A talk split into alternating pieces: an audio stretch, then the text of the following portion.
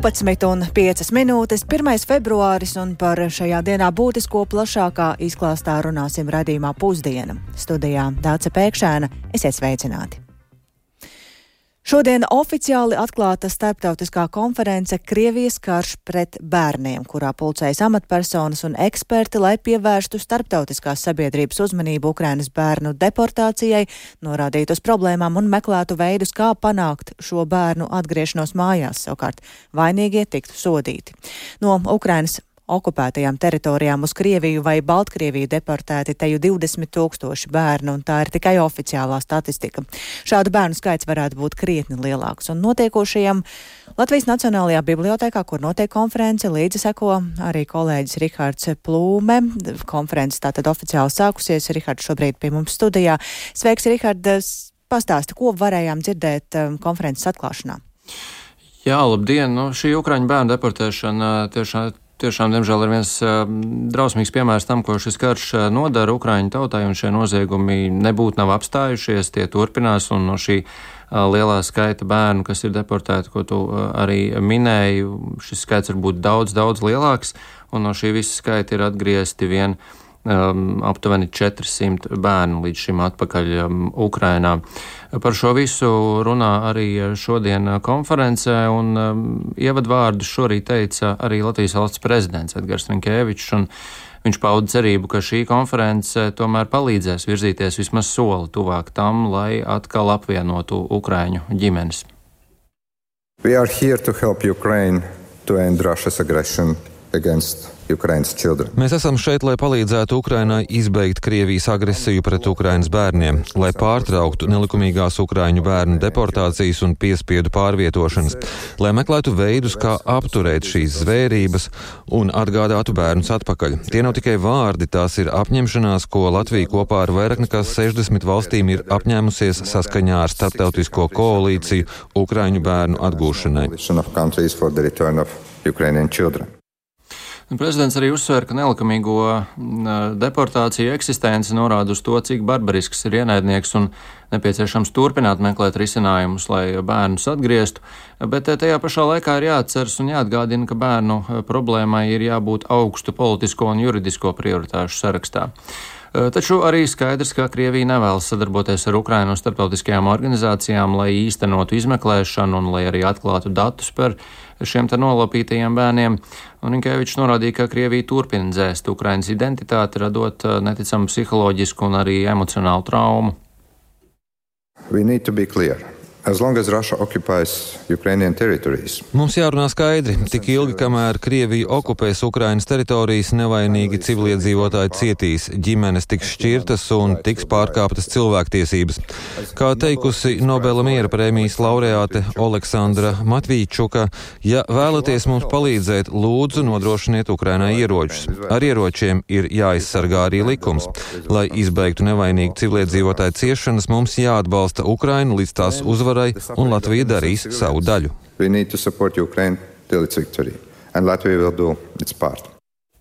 Par saviem pārdzīvojumiem šorīt stāstīja arī ukrāņu bērni, kurus pārvietojuši vai deportējuši okupanti. Viens no šiem bērniem bija arī Veronika, kas Krievijā uh, tika arī piespiesta doties skolā, kurā vienaudži viņu arī pazemojuši. Paklausīsimies īsi viņas stāstā. Спочатку, коли я приїхала до Росії, я була в сьомому класі. Нас Kad ierados Krievijā, gāju 7. klasē, un mums mācīja tikai krievu valodu un literatūru. Krievu bērni mani vainoja par viņu vecāku mobilizāciju. Viņiem es biju nacionālists un bandarovieta. Tā viņi mani sauca. Viņi varēja mani tīši pagrūst vai iesist. Es tur pavadīju gadu un divus mēnešus. Federācijā parbuvālā Rīgta divi mēneši. Jauna runa šorīt uzstājās arī Ukrainas prezidenta kundze Olena Zelenska, tā, un šajā runā viņa minēja vairākus stāstus par nogalinātiem ukraiņu bērniem dažādās Ukrainas vietās, nosaucot arī šo bērnu vārdus, jo viņa teica, ka nu, personīgi, e, personīgi šo stāstu izcelšana ļauj daudz labāk Eh, saprast to realitāti, kas eh, Ukrainā ir. Zelenskis skaidroja, ka karš rada daudz sāpju, bet viens no smagākajām sāpēm ir tieši tās, kas tiek nodarītas visievainojamākajiem, un Zelenska arī norādīja, ka kara laikā Krievijas uzbrukumos tikuši nogalināti daudzi ukraiņu bērni, un neviena ģimene pasaulē nav spējīga sagatavot sevi un savus bērnus karam. Bērni cieš no kara visdažādākajos veidos, tā norādīja Zelenska, un šīs ciešanas atstāja nenoliedzami rētas uz visu dzīvi. На Харківщині днями десятирічному хлопчику відірвало ногу. Попереду все життя на протезі. Vēl nesen Harkivas apgabalā desmitgadīgs zēns apšaudē zaudēja kāju. Viņam būs jādzīvo ar protēzi. Diemžēl Krievija izvērš savu karu, izmantojot visu savu kriminālo arsenālu, ieskaitot izvarošanu. Jaunākajam upurim bija četri gadi, kā norādījuši mūsu prokurori. Es nesaukšu šo bērnu vārdus un detaļas, bet katrs kara terora akts savā veidā ir drausmīgs. Pat tad, ja bērnu neskar lodes vai raķetes, ja bērns nav izvarots, katru no 7,5 miljoniem ukraiņu bērnu tādā vai citādā veidā karš ir ietekmējis.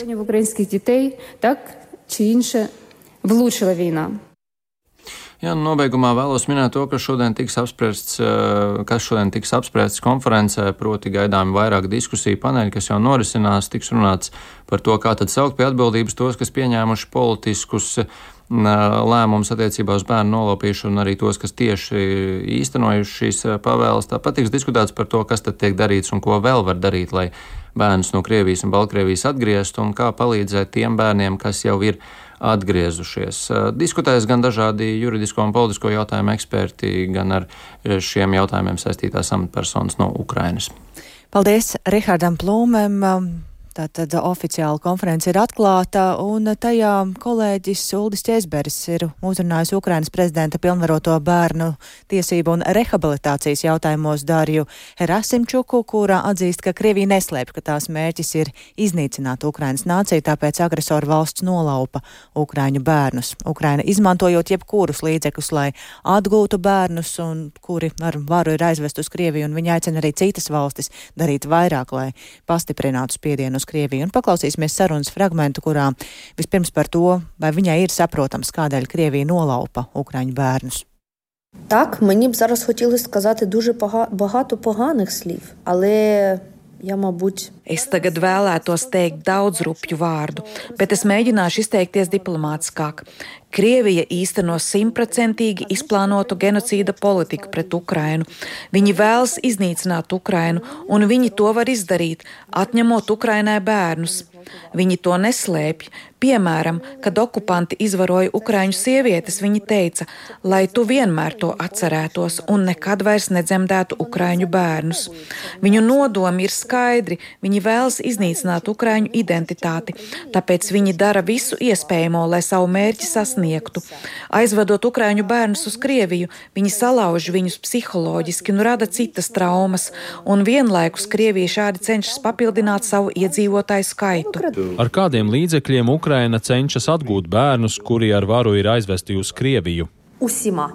Вам достатньо така відповідь. Всі способи, які тільки можна Ar visiem iespējamiem līdzekļiem jums derēs šāda atbilde.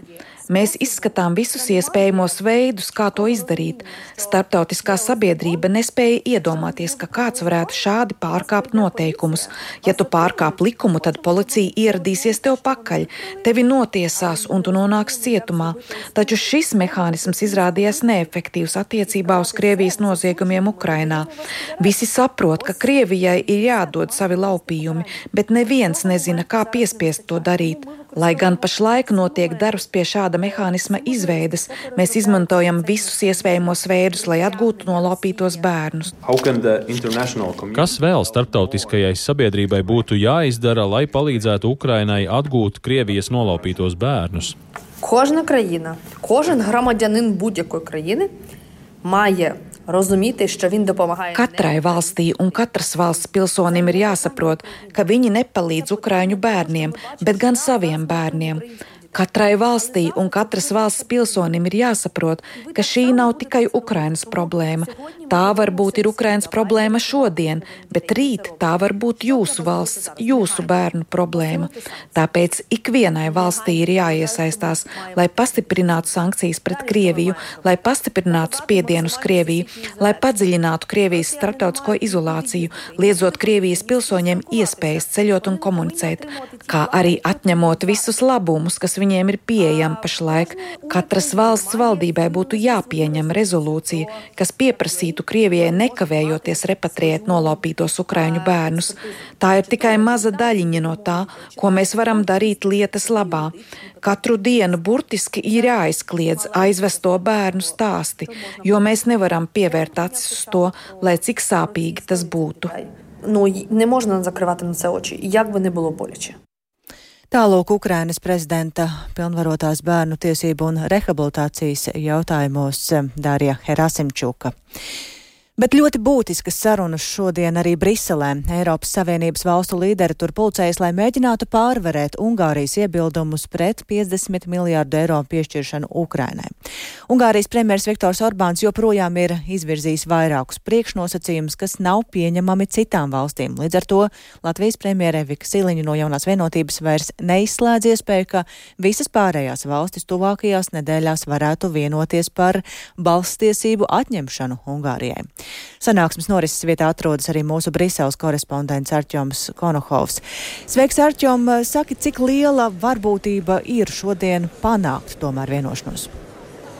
Sveika, Dārts, un sveika, klausītāji. Es domāju, ka varbūtība pastāv, un tieši tāpēc šobrīd, vēl pirms oficiālajām sarunām, visu valstu līderu klātbūtnē notiek tādas neformālākas konsultācijas šaurā lokā, kurā piedalās atslēgas valstu pārstāvi, un tā ir Francija, Vācija, Itālija, arī, protams, Ungārija un arī dzen Eiropas Savienības līderi, ja tā varētu teikt, eh, Eiropas, eh, Eiropadomas vadītājs Šārls Mišels un arī Eiropas komisijas vadītāja uh, Ur Urzula Fonderleina. Viņa visi mēģina saprast, kāds tad varētu būt šis kompromiss. Un tā kā kompromisa mēģinājumi joprojām turpinās, tad pastāv arī cerība, ka tomēr Viktors Orbāns varētu piekāpties, jo šķiet, ka viņš varētu būt sapratis, ka šobrīd ir pārkāpta zināma līnija un ka daudzas valstis tiešām ir gatavas jau darīt tādas lietas, pa kurām mēs nebūtu iedomājušies, ka viņi būtu gatavi darīt, proti atņemt potenciāli šīs balstiesības.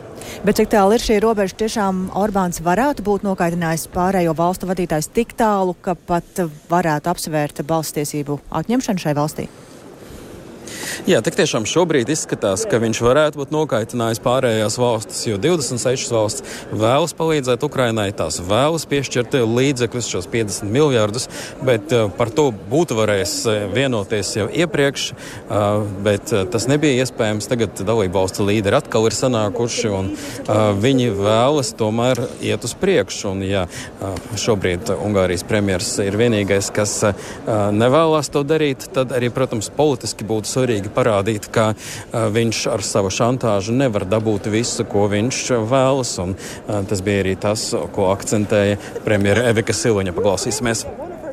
Jebkurā gadījumā viņam kļūstot par problēmu, šī problēma ir jāatrisina. Un, ja problēmas risinājums ir atņemt balstiesības, tad tas vienā brīdī var līdz tam nonākt. Bet mēs šīs balstiesības visdrīzāk šodien nevarēsim pielēmt uzreiz atņemt. Katrai dalību valstī ir jāiet arī acīm redzot savām parlamentiem, vēl diskutēt. Bet Ja tas būs jādara, lai mēs panāktu daudz gadu vienošanos Ukrainai, es domāju, ka kāpēc gan nē?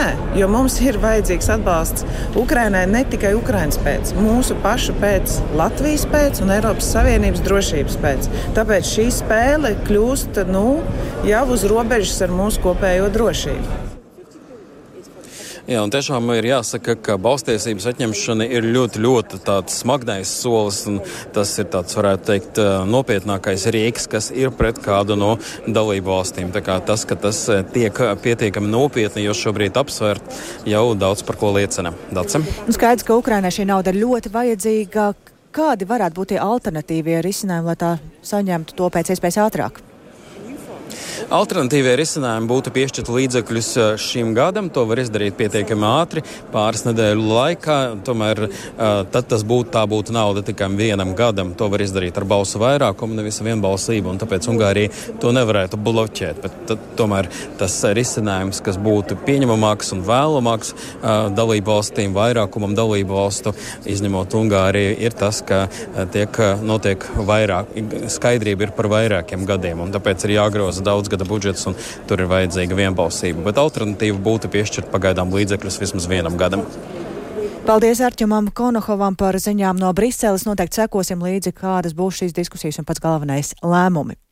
Bet pie mums Deputāti teju vienasprātis ir par bargākiem sodiem smagāko satiksmes noteikumu pārkāpumu gadījumos. Šodien saimā skatot izmaiņas ceļu satiksmes likumā otrajā lasīmā atbalstu guva priekšlikumi par lielākiem naudas sodiem, ja atļautais braukšanas ātrums pārsniegs 60 km/h un vairāk, taču debatas izvērtās par priekšlikumiem sodīt par ātrumu pārsniegšanu jau no 6 km/h. Un lemtajam saimā līdzi sekoja arī Jānis Kīncis, kurš šobrīd pievienojas mums tiešraidē. Sveiks, Jāni! Sveicināti! Jā, pašlaik likums noteica, ka transporta līdzekļu vadīšanas tiesības atņem autovadītājiem, kuru atļautu braukšanas ātrumu pārsnieguši par vairāk nekā 51 km/h. Un uh, likumu lēma pamainīt, lai paredzētu lielākus sodus tieši par tiem rupjākajiem pārkāpumiem ceļu satiksmēm. Tā tad ir paredzēts, ka par ātruma pārsniegšanu no 61 līdz 70 km/h virs atļautā paredzēto naudas sodu dubultos, un tas būs eh, no 720 līdz 960 eiro. Un vienlaikus arī sekos liegums izmantot autovadītāju apliecību deviņus, nevis sešus mēnešus, kā likumā paredzēts pašlaik. Par šādu ātrumu pārsniegšanu apdzīvotā vietā naudas sodu palielinās vēl būtiskāk un paredzēts to noteikt no 1040 līdz 1400 eiro, un autovadītāja apliecība anulēs 9 līdz 12 mēnešus. Un vēl ilgāku laiku no autovadītāja apliecības būs jāatvadās, ja ātrums tik būtiski būs pārsniegts apdzīvotā vietā ar kravas auto vai velkot piekabi. Un, uh, Gadījumos, kad atļautais braukšanas ātrums būs pārsniegts par vairāk nekā 70 km/h, virs atļautā naudas sods paredzēts līdz 2000 eiro ar autovadītāju tiesību anulēšanu līdz 3 gadiem. Un jānorāda, ka par šiem konkrētajiem likuma grozījumiem saimā debašu nebija. Taču Iepriekš saimnes juridiskajā komisijā diskusija krustagunīs nonāca ideja autovadītāju apliecību atņemt jau par ātrumu pārsniegšanu no 31 km/h virs atļautā braukšanas ātruma, un saimnes juridiskā komisija to neatbalstīja. Secīgi iekšlietu ministrs šos priekšlikumus pirms šīs saimnes sēdes atsauca. Taču debats izvērtās tiešām par eh, citu citu uh, skatījumu un griezienu šajā likumā, tātad par satiksmes ministra progresīvā pārstāvi Kaspara Briškena priekšlikumiem palielināt sodu par minimālu atļautā braukšanas ātrumu pārsniegšanu. Tātad pašlaik, ja fiksē ātrumu pārkāpumu līdz 10 km/h, piemēro brīdinājumu, un divi brīdinājumi summējas, un tad jau ir jāmaksā sots. Un satiksmes ministrs rosināja brīdinājumu piemērot par pārkāpumu līdz 5 km/h, bet sākot no ātruma pārsniegšanas no 6 km/h vairs atļautā jau noteikti naudas sodu. Šādu redzējumu saimnes sēdē debatēs gan atbalstīja, gan nopēla. Lūk, ko par to teica Progresīvo frakcijas deputāts Edmunds, Edmunds Cepurītis, Latvijas pirmajā vietā pārstāvis Edmunds Ziltiņš un arī apvienotā saraksta deputāts Māris Sprindžuks. Priekšlikums to risina samazinot to regulāro un ierasto ātrumu pārsniegšanu. Samazinot vidējo ātrumu, samazinās negadījumu skaits un samazinās bojā gājušo skaits. Šis arī ir nepareizi, ka šie 5 km/h atkal mēs dodam kaut kādus pielaidus. Ceru, ka satiksmes ministrs nāks ar priekšlikumu no pirmā kilometra. Ir jābūt atbildībai. Šis virziens sodīt pie 5 km ātrāk ir nu, totāli nepareizi. Tā ir greiza ideja. Jebkuru ceļu padarot šaurāku, mašīnas brauc lēnāk. Var veidot dažādu veidu barjeras, līkumus, pacēlums, zebras, kas ir piepaceltas un tā tālāk. Sodi tā ir vakardiena, tā ir padomju savienība. Mums no tā ir jāiet prom. Un gala rezultātā ideja noteikt naudas sodu par minimālu ātrumu pārsniegšanu pārliecinoši noraidīja. Bet iespējams, ka ceļu satiksmes likumu papildinās ar vēl kādām iecerēm un regulējumu, kas iesniedzams līdz februāra vidum. Saima tātad ar šī likuma izmaiņām strādās vēl arī trešajā galīgajā lasījumā. Dace. Paldies Jānim Kīncim, tātad gaidīsim galīgo lasījumu, bet par satiksmi turpinot, tad no šodienas par iebraukšanu jūrmalām ir jāmaksā 3 eiro. Turklāt šāda kārtība kurortu pilsētā būs visu gadu, nevis kā iepriekš, kad maksa bija 2 eiro un tikai no aprīļa līdz oktobrim. Palielināt tarifu jūrmals doma nolēma jau rudenī, mērķis ir samazināt satiksmes intensitāti un tā vietā Vietvara cer, ka iedzīvotāji vairāk izmantos sabiedrisko transportu un elektroauto. Jūrmāls pievārtē Latvijas radio uzrunātie autovadītāji gan par jauno kārtību nav sajūsmā un viedokļus apkopoja Viktors Demītos. Krietni labāk. Tagad? Nē, kad bija 2 eiro tieši vasaras sezonā un pat par rudenī, nu, principā tā nav vairs turisma sezona, bet, nu, kā ir, tā ir. Nu, tas ir nepatīkami. Uz atpūtas vietām brauktu vai uz citām vietām? Nē, es tikai uz darbu. Es pa jūrmā šeit vispār pat nebrauktu. Nu, tas ir, ziniet, ko tas ir manam prātam bija nesaskan. Kāpēc? Tikai tāpēc, ka jau, piesim, ja nodokļu maksātāja nauda iet pa jau, jau domēji, vēl 3 eiro un ceļu nodoklis arī jau, ko tad viņi grib par to 3 eiro darīt? Nu, man jautājums tāds, kāpēc 3 eiro? Diez vai es te braukšu. Es labāk aizbraucu uz Lietuvu, uz Igauniju, kur es varu iebraukt iekšā, un man tur neprasa, kāpēc man jābrauc arī jūrmalā. Labāk jau pa ziemu nebija jāmaksā. Bet man ir vienalga patīk. Bet nu labāk jau būtu, ka nebūtu jāmaksā. Ceru, ka uzlabosies līdz ar to varbūt tās ceļi cauri jūrmalē. Bišķi jau liekas tas nesamērīgi nu, no februāra mēnesis līdz maijam. Varbūt tas, tas nav tas brīdis, kad būtu jāpiemēro. Jo tagad visu gadu būs. Nu, es zinu, jā. tas jau arī ir. Tas iepriekš likās tas periods, nu, siltais periods, tas sakarīgs, tie seši mēneši, jā, pieci, cik mēs tur braucam. 12 mēneši mēs nezinām. Nebrauksim jau mēs uz pludmales sauļoties cauri gadu. Jāpiebilst, ka tarifs ir pieaudzis tikai dienas caurlaidē, un jūrmalniekiem iebraukšana pilsētā joprojām ir bezmaksas. Bet jautājums, vai nākamnedēļ nebūs grūtības iebraukt vairākās citās pilsētās? Būdami nemierā ar vairāku prasību ignorēšanu, lauksaimnieki pirmdien 5. februārī visā Latvijā rīkos protestus. Zemnieku galvenās prasības - samazināt birokrātisko slogu nozarēm, aizliegt pārtiks produktu importu no Krievijas un Baltkrievijas, atjaunot, samazināto PVN likmi augļiem un dārziņiem. Zemnieku sēmas rīkotā protesta akcija notiks vairākās pilsētās - Saldū, Liepājā, Jelgavā, Dobelē, Gulbenē, Daugopilī un citās. Ar ko ir jārēķinās iedzīvotājiem, kolēģei Sandrai Dieziņai stāsta viena no akcijas rīkotājām - Seletsgrīvas novada zemnieku saimniecības robežnieki saimniece Ieva Alpa Eizenberga. Sākotnēji bija paredzēts, ka dodas uz Rīgu, tomēr reģiona lauksaimnieki uzstāja, ka viņi grib priekšpusteni pirms Rīgas, tātad reģionālas akcijas, pirms tam veidot tam dēļ, ka reģiona lauksaimnieki teica, ka viņi grib savos reģionos iziet vispirms. Ar ko jārēķinās tiem iedzīvotājiem? Ar apgrūtinājumiem satiksmē uz galvenajiem autoceļiem visas dienas laikā no pulkstens 11 līdz pulkstens 5 atsevišķās vietās līdz septiņiem. Operatīvie transporti netiks traucēti, policija ir informēta, pašvaldības ir informētas. Tālūk Salasgrīvas novada zemnieku saimniecības robežnieka saimniecība Alpa Eizenberga. Bet bezprecedenta situācija ir sporta nozarē. Par to ceļ trauksmi Latvijas Olimpiskā komiteja, kura šodien nosūtīs vēstuli valsts prezidentam Edgaram Rinkēvičam par to, ka neviena no sporta veidu federācijām joprojām nav saņēmusi valsts budžetā paredzēto bāzes finansējumu. Federācijas kavē maksājumus, sportisti aizņemas naudu privāti, bet Latvijas Olimpiešu sociālā fonda pabalsti sporta veterāniem šomēnes var kavēties. Par haosu ar valsts finansējumu sporta nozarē stāsta Latvijas Olimpiskās komitejas prezidents Jānis Buks. Šobrīd, ja mēs skatāmies 1. februārī, sporta nozara ir dziļā krīzē, es pat neteiktu, krīzes priekšvakarā. Diemžēl ir iestājies Olimpiskais gads. Sportistiem ir jāgatavojas kvalifikācijas sacensībām un iespējams startiem Parīzes Olimpiskajās spēlēs. Finansējuma nav mēs esam nonākuši tādā, nu, man liekas, vēsturiski nebijušā situācijā, kad sportisti ir spiest aizņemties privāti naudas līdzekļus, lai startētu kvalifikācijas sacensībās. Otra sadaļa ir jā, pašām federācijām. Šobrīd šis bāzes finansējums izslavētais nav. Vairums federāciju ir maksātnespējas, faktiski maksātnespējas situācijā. Olimpiskās komitejas vadītājs Buks Latvijas radio uzsvēra, ka situācija esot radusies izglītības ministrijas neizdarības dēļ. Ministrija arī kategoriski atsakoties skaidrot sporta nozares pārstāvjiem šobrīd notiekošo.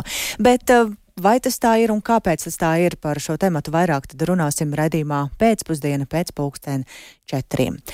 Šobrīd gan izskan raidījums pusdiena, to producēja Lauris Zvēnieks, ierakstus montēja Renārs Šteimanis, par labskaņu runa, rūpējās Ernests Valds Fjodorovs un ar jums sarunājās Dāca Pēkšāna.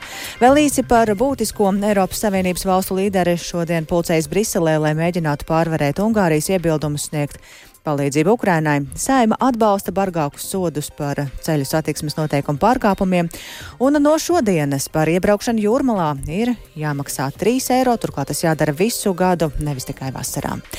Radījuma pusdiena var klausīties arī sev vārtā laikā, meklējot Latvijas radio mobilajā lietotnē. Yeah.